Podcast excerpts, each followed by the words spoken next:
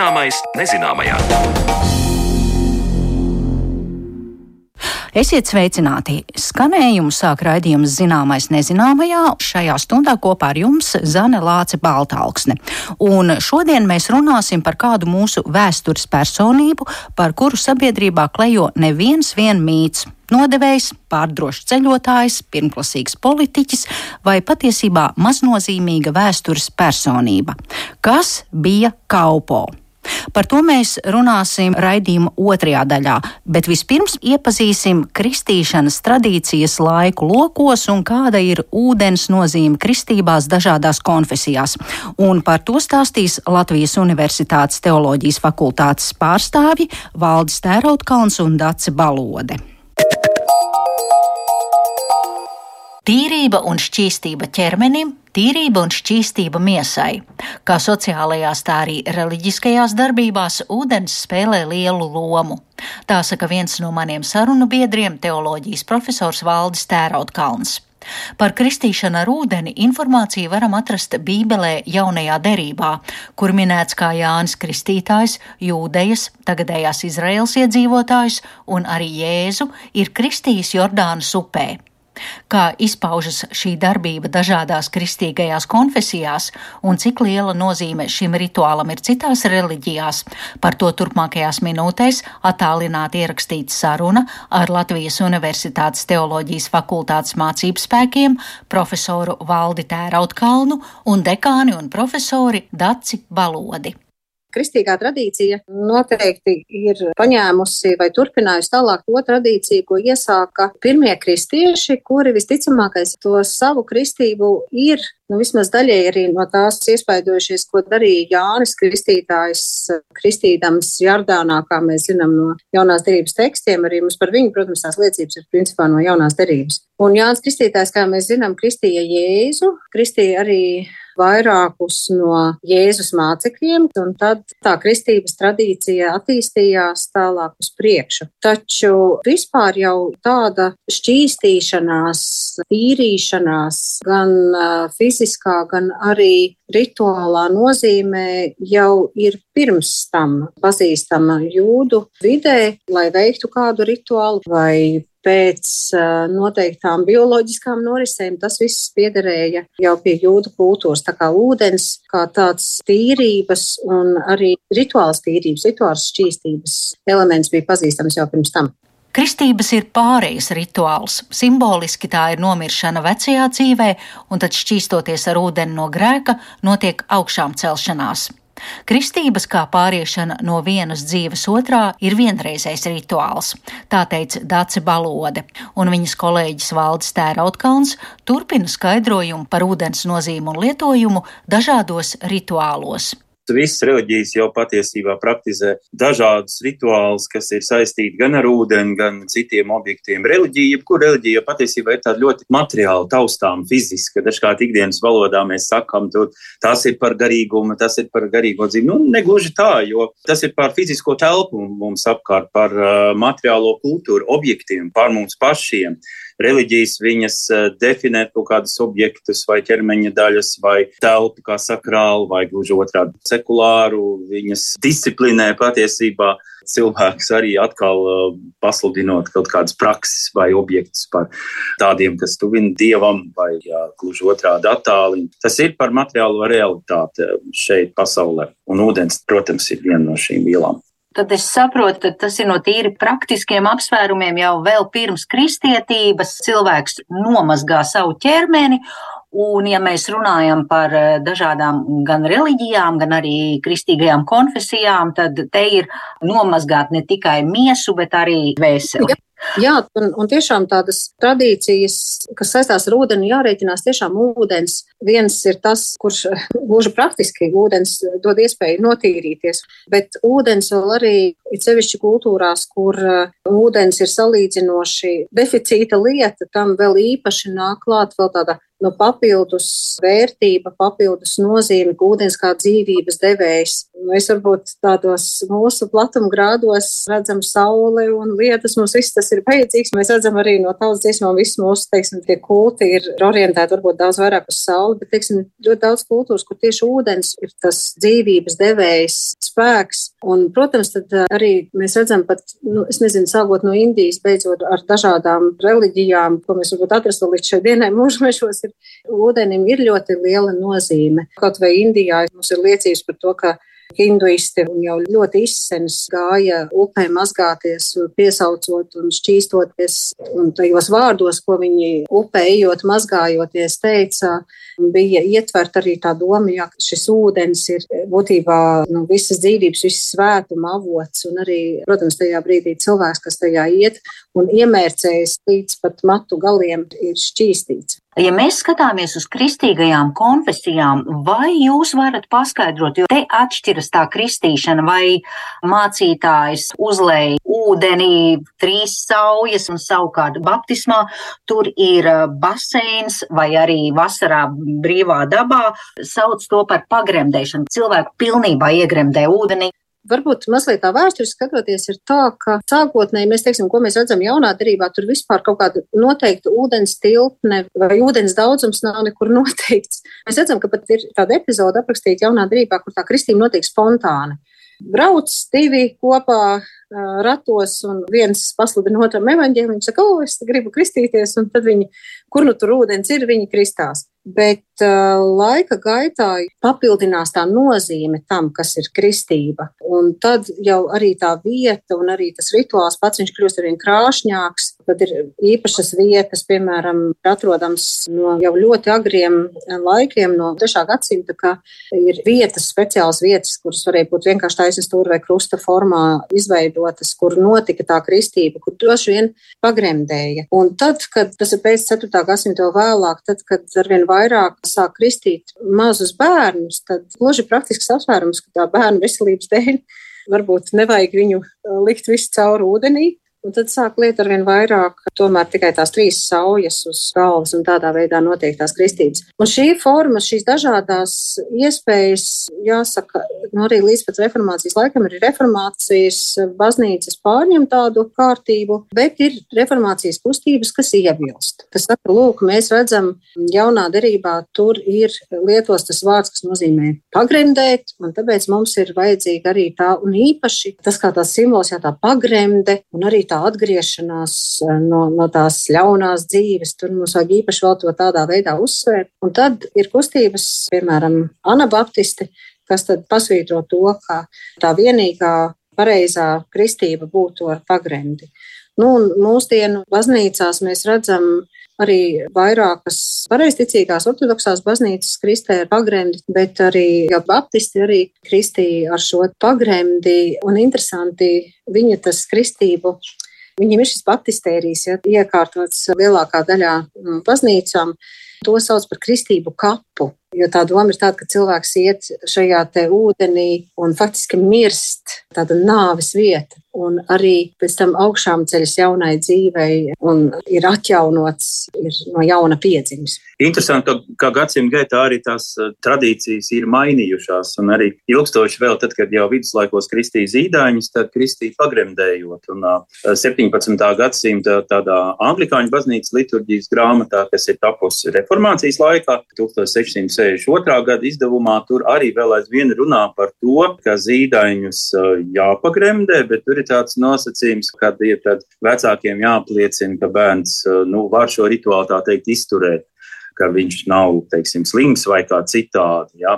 Un būtībā kaut kur no 12. līdz 14. gadsimtam bija tās pārmaiņas, kad vairāk ieviesās apliešana, kas vēlāk nostiprinājās kā tā dominējošā forma. Ne tikai katolicismā, bet arī reformācijas baznīcās. Un mūsdienās ir tā, ka interesanti, ka daļa arī konfesiju viņas ļauj izvēlēties. Anglikāņiem, piemēram, ir tā, ka, viena, kuri pagremdē arī pieaugušos, un mūsdienu Eiropā nereti, ja tā tad ir, kur pievienojas jau tādā pieaugušā vecumā, jā, tad viņi dažās draudzēs izvēlās tik pagremdēt, citus aplē, un katrā no tiem veidiem arī ir tāds dziļs simbolisms, kā jau Dats sacīja, apliešana, jā, trīs reizes, simbolizē trīs vienību pilnīgi pagrem, tas ir uh, nomirt uh, vecai dzīvei un sākt jaunu dzīvi. Kādreiz vēl agrīnā baznīcā, kad uh, kristīja kailus pilnīgi, jā, tad arī tas bija tāds simbols, kad visu veco es atstāju. Interesanti, mēs ar studentiem manā Latvijas baznīcas vēstures kursā mēs ejam.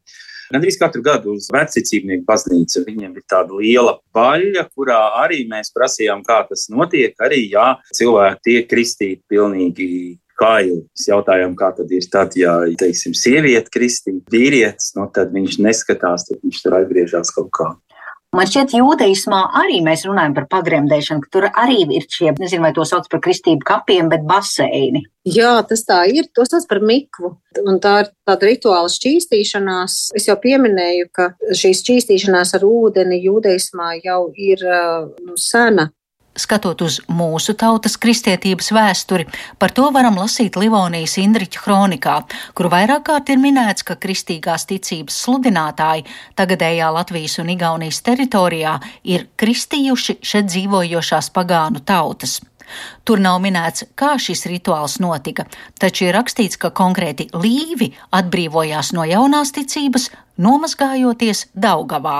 Kā rakstīts kronikā, iznāca nodevīgie līvi, aplaistījās ar Daugavas ūdeni un sacīja: Šenu ar upes ūdeni noskalojam kristības ūdeni līdz ar pašu kristietību.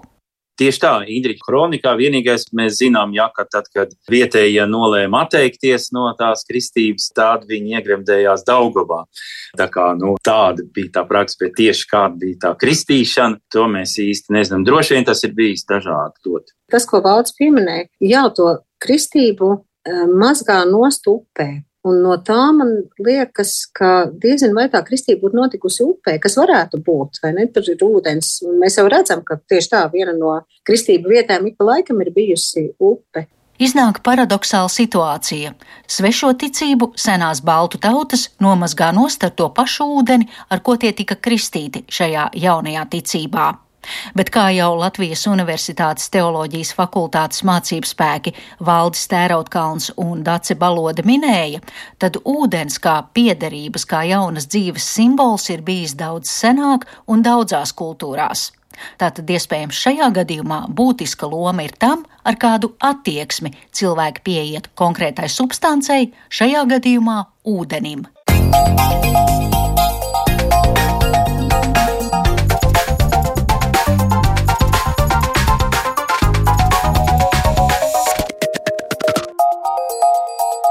Zināmais nezināmajā. Tagad es saku labrīt studijā Latvijas Universitātes vēstures un filozofijas fakultātes profesoram Andrim Levānam. Labrīt! un Greifsvaldes Universitātes un Latvijas Nacionālās bibliotekas vadošajam pētniekam, vēsturniekam Gustavam Strengam. Labdien! Tātad Kaupo. Pirms sāku jūs iztaujāt, vēlos citēt no Livonijas Indriča kronikas, kur tiek runāts par kādu līvu vārdā Kaupo, kas turaidas līviem bija it kā valdnieks un vecākais.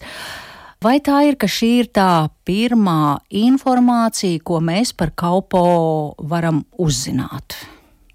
Jā, Te ir vairākas lietas par to, vai pirmā vieta, pirmā reize, kad kalpo tiek pieminēts viduslaika vēstures avotos, tad jāsaka, ka jūsu citētā kronika nebūtu nav pirmā un vienīgā vieta, kur viņš tiek pieminēts 13. gadsimtā.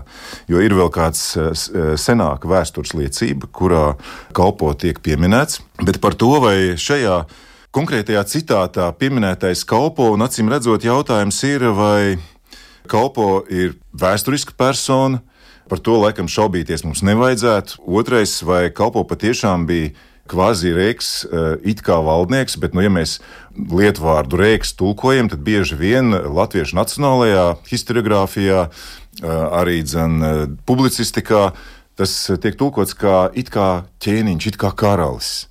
Kas, protams, uzreiz raisa virkni tādu ļoti daudznozīmīgu asociāciju gan par to, ka lūk, kādreiz šeit ir valdījuši ķēniņi un karaļi, gan par to, ka lūk, šeit ir eksistējis pirms tā saucamās vācu atnākšanas krustnešiem un kristītājiem, ir eksistējis valstiskums un tā tālāk un tā joprojām. Taču kas mm, bijis, varētu būt bijis kalpo, nu, laikam jau šeit viskonkrētākais jēdziens ir vecākais, seniors. Un tas norāda uz to, ka mēs nonākam patiesībā vadonības sabiedrībā. Un tas ir tas, kas acīm redzot, kronikas tekstā arī ir diezgan viennozīmīgi fiksēts, proti, ka kalpo ir piederējis politiskajai elitei. Pie tam viņa līderības pozīcija, nu šeit kronika argumentē vēl ar šo jēdzienu kvāzi-rēks. Tātad kāds, kurš patiešām atrodas šīs politiskās elites, nu acīm redzot, ne tikai epicentrā, bet arī tāds, kurš vada, kurš lemj. Acīm redzot, tāds, kurš spēj ietekmēt tos procesus, nu, acīm redzot, vienā egalitārā sabiedrībā.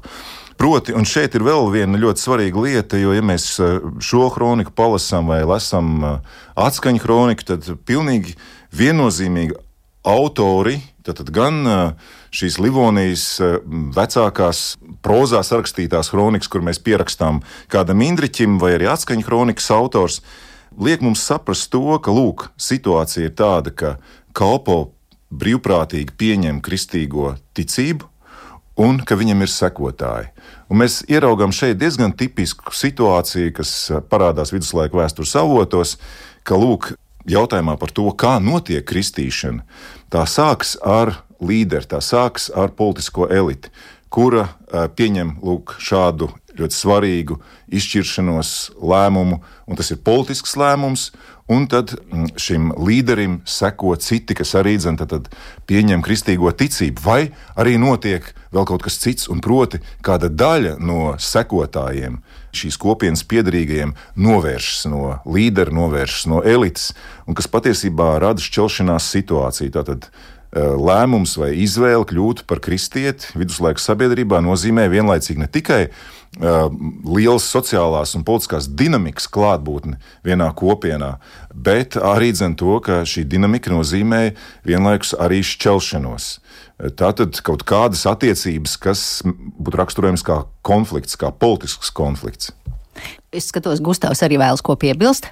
Man jāsaka, es eh, varbūt kalpoju jautājumam tieši no nedaudz cita skatu punkta, proti, kas ir Indriča kronika. Mēs ļoti bieži izmantojam viduslaika kronikas kā avotus, kuri mums atstāsta notikumus, kā tie ir notikuši. Tā gluži nav. Indriča kronika ir radīts teksts, kurš ir radīts Rīgas domkapitulā droši vien ap 1227. gadu, bet doma ir, ka šis teksts parāda Livonijas misijas sākumu, kristīgās misijas sākumu. Un kalpo šajā tekstā patiesībā, no manas skatu punkta, ir literārs varonis. Kāpēc viņš šajā stāstā parādās kā šis vietējais valdnieks, kurš brīvprātīgi ir nolēmis kristīties? Un visi pārējie notikumi, kuri šajā kronikā seko, parāda gan viņa brauciens uz Romu, gan vēlāk arī viņa nāve, parāda šo labo tikko kristīto valnieku kā piemēru. Un tā, protams, nav mana oriģinālā ideja. To ir izvirzījis mans kolēģis Dāņu vēsturnieks Torbens Kiesgārds Nilsens, kurš arī uzsver to, ka kalpo tiek izmantot šajā kronikā kā šis te labais, atgrieztais pagānu ķēniņš, kurš ir kļuvis par kristieti. Un arī vēlāk, kā raksta arī mans kolēģis Marks Tāms, Igaunijas vēsturnieks, kā arī viņa nāve kaujā 1217. gadā netālu no Vīlandes arī tiek attēlota kā tāda, nu, perfekta vai, vai tāda ideāla e, kristiešu nāve. Līdz ar to mēs varam raudzīties uz šo visu stāstu kā patiešām daļu no, no literāra vēstījuma, kur uzdevums ir lasītāju. Tas nav mūsu, bet gan 13. gadsimtā iespējams kā domkapitula locekli pārliecināt par to, ka šī misija ir bijusi laba, ka viņi ir sasniegusi savus mērķus, un ka tas nu, galvenais mērķis ir atgriezt pagānus, viņus kristīt, un lai viņi nokļūtu katoļu baznīcas klēpī un arī sāktu ticēt Jēzum Kristum, Svētajam garam un Dievam Tēvam. Nu jā, varbūt arī nu, es kā ne vēsturniece paņēmu to pirmo un vispieejamāko materiālu Livonijas Indriča kroniku, bet tad jautājums ir, cik vispār ir zināmi fakti par kalpo? Ja jūs, Gustav, teicāt, tas ir literārs tēls, varbūt tiešām, varbūt eh, viņu sauc citādā. Ziniet, ir tā par to, kas kalpo bija Un kas viņa dzīvē notika, kas bija svarīgākais vai mazāk svarīgākais, mēs nekad neuzzināsim. Jo mums darīšana ir, kā tikko Gustavs ļoti pareizi, un man, manā uztverē pareizi pateica, vispirms mums ir jāskatās uz kronikā, uz literāru tekstu, kā uz literāru darbu, kur eh, kalpo ir figūra, literāra figūra, kuru uh, ir apstrādājis savā prāta un iztēles tīģelī, ir izkausējis kāds kronists, kas ir bijis garīdznieks. Un, kā jau Gustavs teica, tad ļoti iespējams kāds no Rīgas domkapitula uh, locekļiem, tātad uh, domkungiem. Un uh, lūk, te ir tas āķis, ka mēs strādājam un domājam par tēlu. Mēs jau nerunājam par to cilvēku, kura vārds patiešām varēja būt, varbūt kalpo, bet mēs runājam un domājam tikai par tēlu. Tātad mēs, mēs domājam par to, ko ir radījis kāds kronists, ko ir radījusi viņa iztēle, strādājot ļoti iespējams ar kaut kādiem patiešām reālu notikumu atstāstiem. Un šeit ir viena svarīga lieta.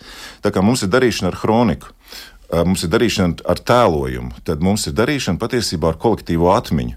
Tas nozīmē, ka no kaut kādas laika distances raugoties, tātad no kaut kādas nākotnes, teiksim, ap 1250. gadu, Kronists at, atskatās pagātnē, un viņš runā par būtisko tieši konkrēti kristīgās misijas kontekstā, un viņš tēlo šo pagātni, un tādā veidā viņš patiesībā viņš rada ko? Viņš rada uh, patiesībā uh, atmiņu stāstījumu, jeb respektīvi tā ir kolektīvā atmiņa, par kuru ir runa kolektīvā atmiņa pārkausē notikumus pavisam citā veidolā, nekā tie reiz ir risinājušies. Un tas notiek ar cilvēkiem, vietām, notikumiem pašiem un tā tālāk un tā joprojām. Tā kā to, kas patiesībā par to, kas patiesībā bija kalpo, mēs nekad neuzzināsim.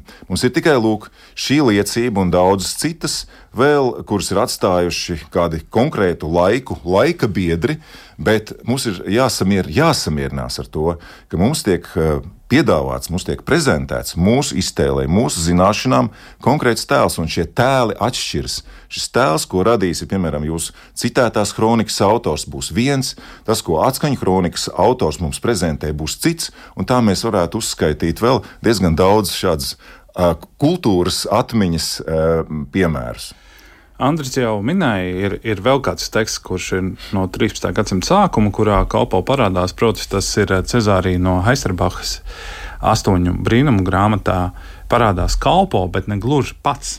Viņš ir valdnieks vai bruņotu spēku līderis, kura kalps ir sasirdzis. Un šis kalps tiek brīnumainā kārtā dziedināts. Līdz ar to arī šajā stāstā, un šis, pilnīgi, šis teksts pilnīgi noteikti nav tapis Livonijā šajā stāstā kalpo arī ir kā literārs tēls, kā šis atgrieztais valdnieks, kurš ir kaut kur līdzās. Mēs neko vairāk neuzzinām par kalpo pašu, bet mēs uzzinām par viņu kalpu. Un man šķiet, ka te slēpjas tajā, ko es jau minēju, šī tēla literārajā būtībā slēpjas arī iemesls, kāpēc mēs joprojām runājam par kalpo. Jo Mēs zinām, ka latviešu kultūrā kalpo ir iedvesmojis ļoti daudz rakstnieku un dzinieku. Varbūt tagad kalpo ir zaudējis savu, teiksim, savu aktualitāti, bet, ja mēs raugamies piemēram uz 20. gadsimta 70. gadiem, Arijs Geikins uzraksta lūgu par kalpo, kur tiek uzvesta Valmieras drāmas teātrī, kur iestudē Oļģerts Kroders, un šī lūga Protams, šajā laikmetā, 20. gadsimta 70. gados, padomju okupācija, šī padomju sistēma, kur stagnē, un šajā situācijā ir šis stāsts par kādu, kurš ir nolēmis sadarboties, kļūst ļoti aktuāls. Un man šķiet, šis, tieši šis jautājums par to, ka kalpo nolēma sadarboties ar tiem, kas ir atnākuši, ir bijis aktuāls pēdējos divus gadsimtus. Tas par daļdarbiem, bet kā tad ir ar jūsu kolēģiem vēsturniekiem, sākot ar Vācu Baltu vēsturnieku Bīlensteinu, pēc tam Švābe Dunsdorfs, tas pats Evalds Mugurēvičs, kurš ir rakstījis komentārus Livonijas Indriķa kronikai, tad būtībā vēsturnieki ir operējuši un interpretējuši ar datiem, kas ir par literāru tēlu. Nu, ziniet, nu, tur jau tā lieta ir, ka mums, mūsu pieejas šobrīd ir ļoti, ļoti atšķirīgas. Mēs ar Gustavu patiesībā pārstāvam pavisam citu paudzi. Um, un arī citu, varētu teikt, zināšanu un domāšanas kultūru. Tā es gribētu to uh, nosaukt, jo patiesi vēl pavisam nesen, tas ir 20. gadsimta 70. un 80. gadi, arī rietumu, nu, teiksim tā, medievistikā, tad, viduslaika vēstures izpētē, arī vēl ar vienu bija populārs skatījums uz, piemēram, viduslaiku kronikām, kā uz tekstiem, kuros mēs lasām par to, kā patiesībā bija. Taču tieši šajā pašā laikā radās arī kāds cits, eh, varētu teikt, intelektuāls eh, strāvojums tieši eh, augstskolās, rietumos un pētniecības institūtos, proti, ka lūk, uz viduslaiku tekstiem, kronikām, piemēram, tā skaitā, ir jāraugās pirmām kārtām jau kā uz literāriem tekstiem, jo to patiesībā to jau saka paši viduslaiku teiksim, tā, teorētiķi, kuri saka, ka pirmkārt jau kronika ir, tātad, ir uh, stāsts, narrācija par pagātni. Un viss, kas ir stāsts, tam piemīt īpatnība visu pārveidot patiesībā tām vajadzībām un tā, tiem nodomiem, ar kuriem jebkuri motivē mūsu rakstīšanai. Un šajā gadījumā ir ļoti konkrēts mērķis rakstīt par pagātni. Un tajā ieliekot tās vajadzības, kas ir man, manā konkrētajā laikā, kurā es dzīvoju, tas nozīmē, ka ar to jau sāks pārveidas process. Laika biedri ikreiz atpazīst ambivalenci. Tad, tad ja tēli ir pretrunīgi, pretrunīgi, it sevišķi kā šajā situācijā, kur darbojās piemēram kalpo. Līdz ar to tā, mēs eh, patiešām mēs nevaram runāt par tiem faktiem, kuru mūsu rīcībā nav. Mēs runājam tikai par to, kā mums kāds eh, tātad, kronists vienā literārā tekstā ir stāstījis. Citiem vārdiem sakot, tas ir viņa redzējums.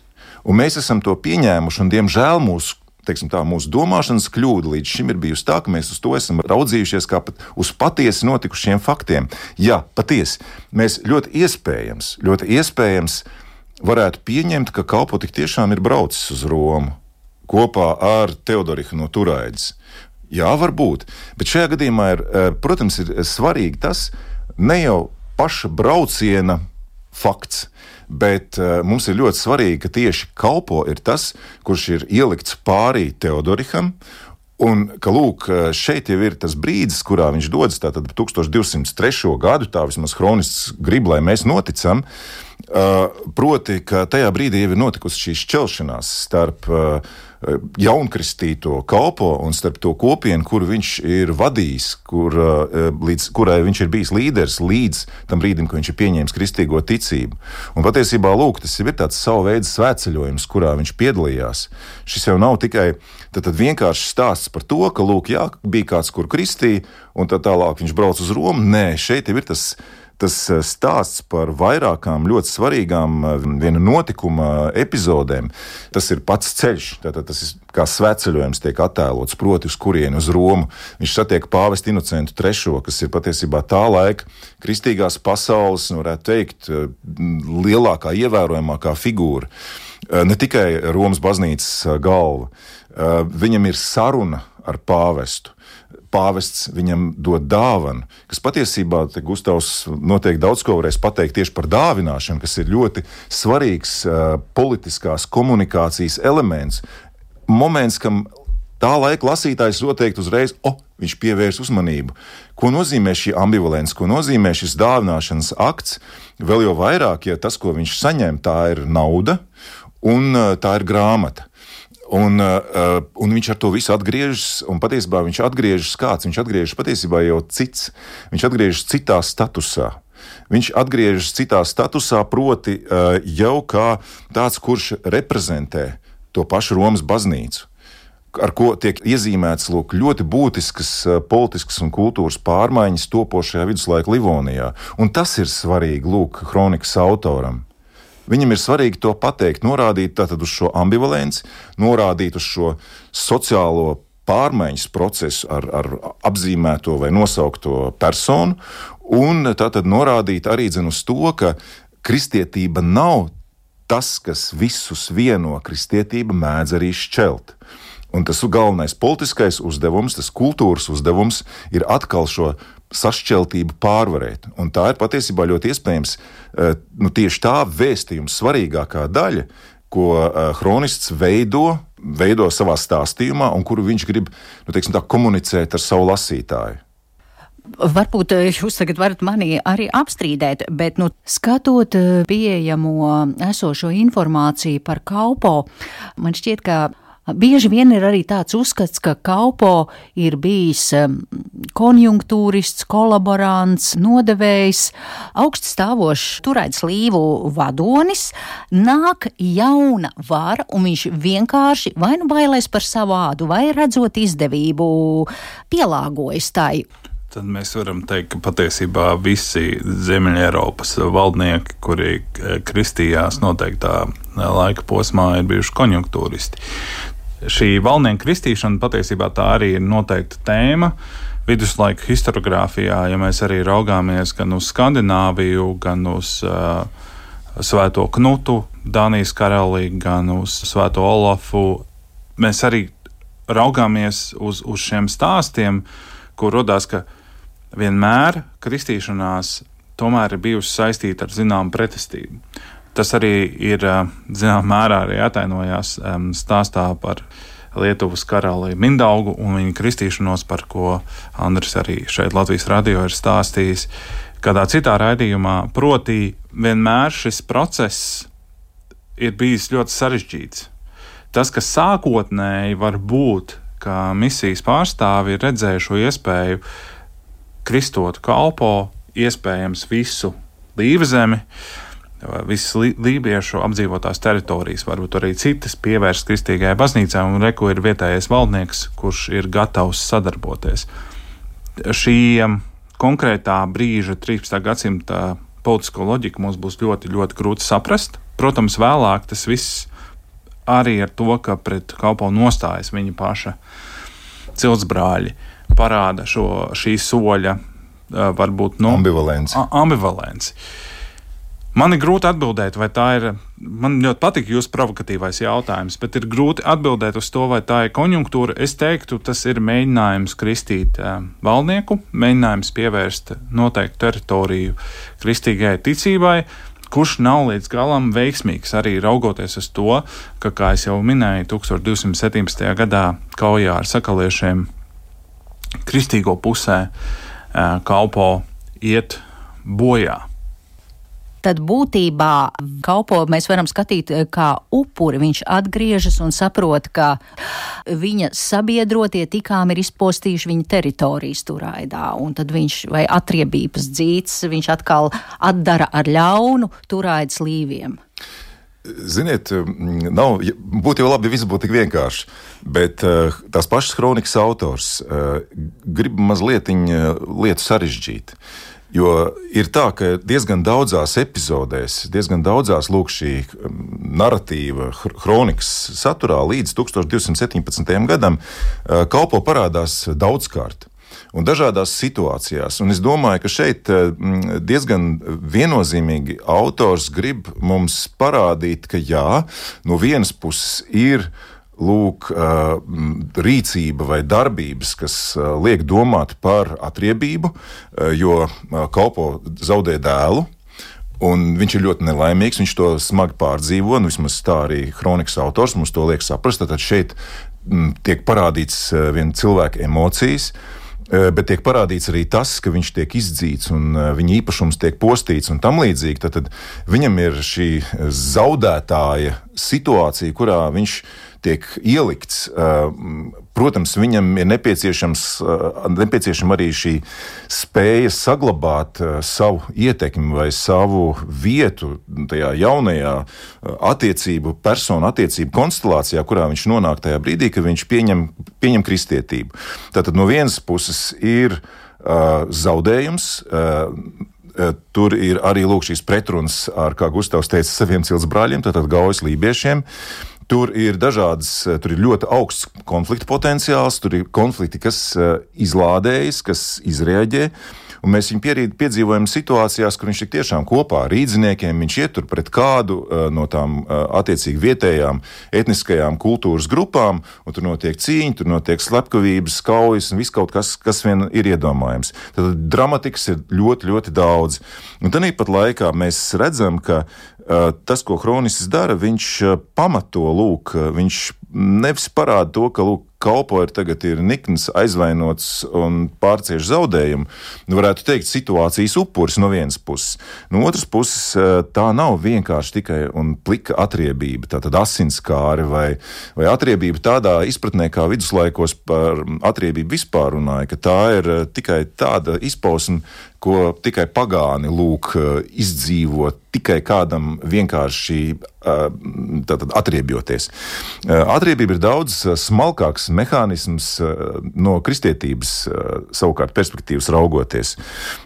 Ja citiem vārdiem sakot, ko kalpo dara, kalpo ir kļuvis par rīku dieva rokās. Viņš ir tas rīks, kuru, kuru vada tas kungs, jo viņš ir kristietis. Un lūk, kungs viņu ieliek konkrētās situācijās, kur viņš patiesībā atgriež taisnīgumu. Viņš sakārto pasauli. Tur, kur šī pasaule ir izgājusi no eņģiem, vai tur, kur ir cilvēki kļuvuši naidīgi viens pret otru, kur viņi ir zaudējuši savus, savus, savus vērtības un tam līdzīgi. Un tam līdzīgi. Tātad mēs ieraugām, ka kalpo ir kļuvis tik tiešām par rīku dieva rokās, viņš pilda dieva gribu. Tas nozīmē, ka tas, ko viņš dara, ir taisnīgs darbs. Un te parādās jau lūk, tas chroniska vērtējums, ja mēs runājam, kā Jānis Undusks eh, mums atgādina, Igaunijas literatūras zinātnieks. Viņš saka, mums jāskatās, kāda ir tā morāla, ko viens literāra darba autors tajā ieliek runājot par atsevišķiem tēliem un par uh, narratīvu kopumā. Un tad šeit es gribētu teikt, ka visā visumā jau uh, chronistu mērķis ir demonstrēt šajā stāstā vienu veiksmi. Veiksmes stāstu. Tas ir veiksmes stāsts. Tā niepat laikā tas neizslēdz dažādus atkritienus, dažādas vilšanās un, un traumas un tā tālāk un tā joprojām. Un uh, tas, kas vēl ir svarīgi, jā, domājot tieši par kalpo, ļoti svarīgi ir pozicionēt viņu kaut kādu vērtību sistēmā. Un šis, uh, šis, šī pozicionēšana ir pilnīgi viennozīmīga, kas mums palīdz atpazīt kalpo kristieti, kurš tātad lūk, ir dieva rīks. Uh, es skatos, mums laika nav uh, daudz. Ja mēs varam arī pārlikt pie kalpo nāves, kur tad, ja tagad aizbrauc turisti, vai pie Ikšķilas baznīcas drupām viņiem rāda turi kalpo kaps, vai arī turaidā, vai vispār kaut kur citur, varbūt Igaunijā? Mēs uh, nezinām, ne Igaunijā nav viņa kapa. Tas, ko Hronists vēlas mums pavēstīt, ka kalpo ir miris kā īstenis kristietis, brīdī, kad viņu ievainoja ar šķēpu divās vietās, tas ir arī kronikā rakstīts, ka viņš lēnām nosiņo, bet viņš lēnām mirst. Kā Hronists raksta, atceroties tā kunga ciešanas, domājot Jēzu Kristu un viņa nāvi pie krusta. Uh, Un viņš mirst kā īstenis kristietis. Tas, kas ir mulsinoši, un arī par ko es domāju, gatavojoties šai sarunai, Hroniks tālāk vēsta, ka kalpo ķermenī sadedzina un aizved tālāk uz Kubezeli un Abeda. Mēs nezinām, kuru. Un šķietami tas šāda veida sadedzināšana, kā mēs zinām, arī 13. gadsimtā kristietībā noliedza uh, uguns bērnu rituālu kā pareizu kristīgu rituālu. Tomēr, ja mēs paraugamies, dažādi kristīgi valdnieki mīra tālu prom no vietām, no savām mājām, no vietām, kur viņi vēlējās, lai viņus abed vai kur bija ģimenes abadījumi, kas ir ļoti svarīga daļa no šīs viduslaiku memoriālās kultūras, ka tev ir jādusās vietā, kur arī guļ tavi senči. Ko viņi darīja? Piemēram, ja kāds bruņinieks Eh, neveiksmīgi nomira vai nu kaujā, krustkara laikā, eh, kaut kur svētajā zemē, vai vienkārši no kādas slimības, viņi mēdzā lietot tādu metodi, ka novārīja līķi. Nu, novāra līķi, jā. paliek tikai kauli, kauli un šos jā. kaulus aizved un abed, jo, kā mēs saprotam, ķermeni nesaglabājot, viņš sāk uzreiz sadalīties. Tur ir gan nepatīkamas smaržas, gan arī tas nav gluži higiēniski, un tas ir ārkārtīgi sarežģīti. Līdz ar to mēs varam pieņemt, ka šeit ziemeļos nebija šādas iespējas novārīt kalpo ķermeni Bet mēs zinām, ka tur ir minēta osa, tātad tās ir mirstīgās atliekas vai mm, mm, kauli. Mm. Tad šie, šie, šie kauli tiek pārvesti uz, uh, uz, uz kubezeli, mēs nezinām, kur un tiek abedīti.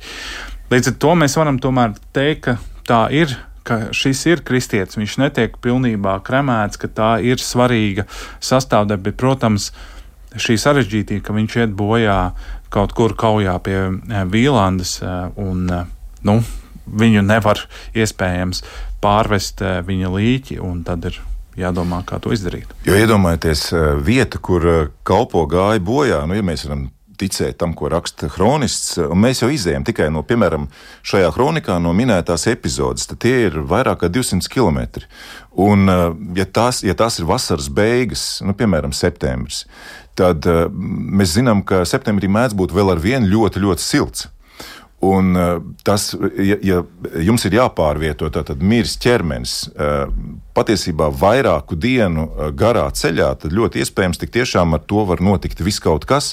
Viņš sāk jau sadalīties. Patiesībā kristieši ir atbildīgi tajā brīdī par mirušā kalpo mirstīgām atliekām. Šī ir kopienas atbildība par atsevišķu individu arī viņam mirstot un pēc viņa nāves, kas ar šo ķermeni notiek. Šeit ir vēl viena lieta, ko Gustavs sāk pieminēt, un proti ļoti svarīgi tas, ka viņš mirstot, viņš pieņem svēto vakarēdienu. Tad tas ir viens, kas viennozīmīgi liecina par to, ka mūsu darīšana ir ar kristieti.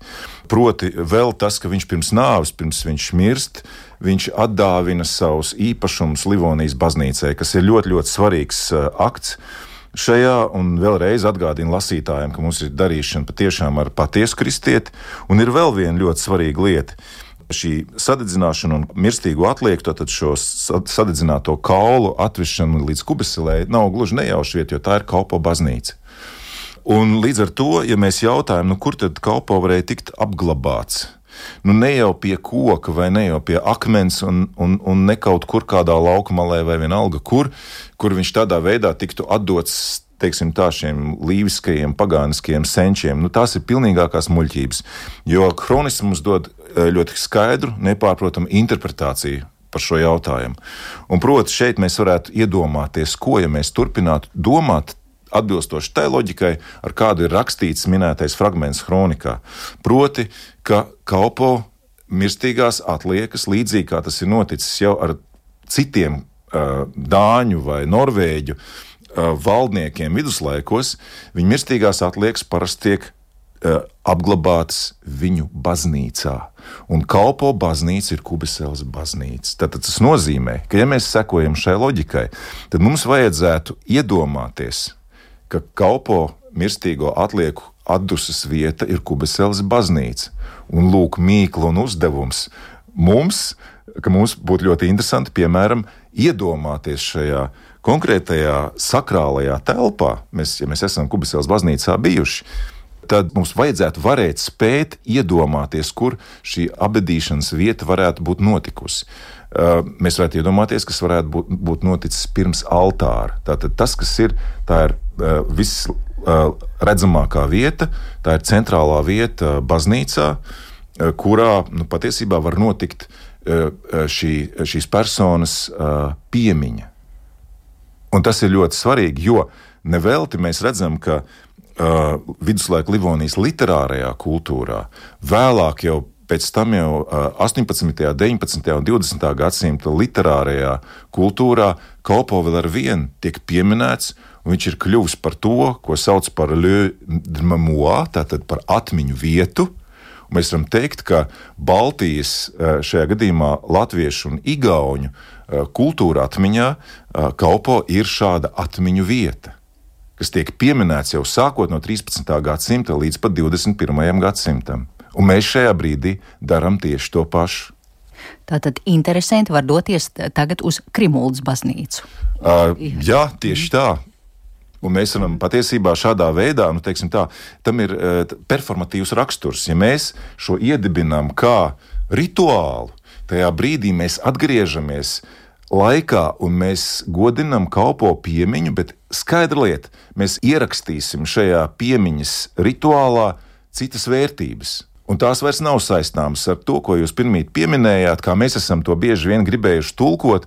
Nu, kalpo pirmais Eiropietis, nodevējs, kolaborants, diplomāts un, un sazina vēl kas. Nē, šeit no visa šī mums vajadzētu patiesībā atbrīvo, atbrīvoties šī rituāla notikumā, jo te ir vēl viena nianse patiesībā tā proti, ka acīm redzot tas, ko ir vēlējies Hronists pateikt, ka mums patiesībā šajā gadījumā, kalpo gadījumā, ir runa par martīru, par kristīgo mocekli. Un tas ieceļ kalpo pavisam citā interpretācija kontekstā. Tagad mums ir jāliek gan punkts. Protams, ka mēs šo sarunu varam vēl un vēl turpināt par neviennozīmīgu vēsturisku personību, augststāvošu līvu valdnieku, un kā jūs atklājāt, mēs redzam, arī viņš ir bijis kristīgais moceklis. Es saku paldies, atgādinu, ka studijā bija Latvijas Universitātes vēstures un filozofijas fakultātes profesors Andris Levāns un Greifsvaldes Universitātes un Latvijas Nacionālās bibliotekas vadošais pētnieks vēsturnieks Gustavs Strēnga. Ar jums sarunājās Zane Lāce Baltalksne, pie skaņu operātora pults bija Kristīne Delle, raidījuma producente Paula Gulbinska, par mūziku rūpējās Girds Bišs. Visu labu!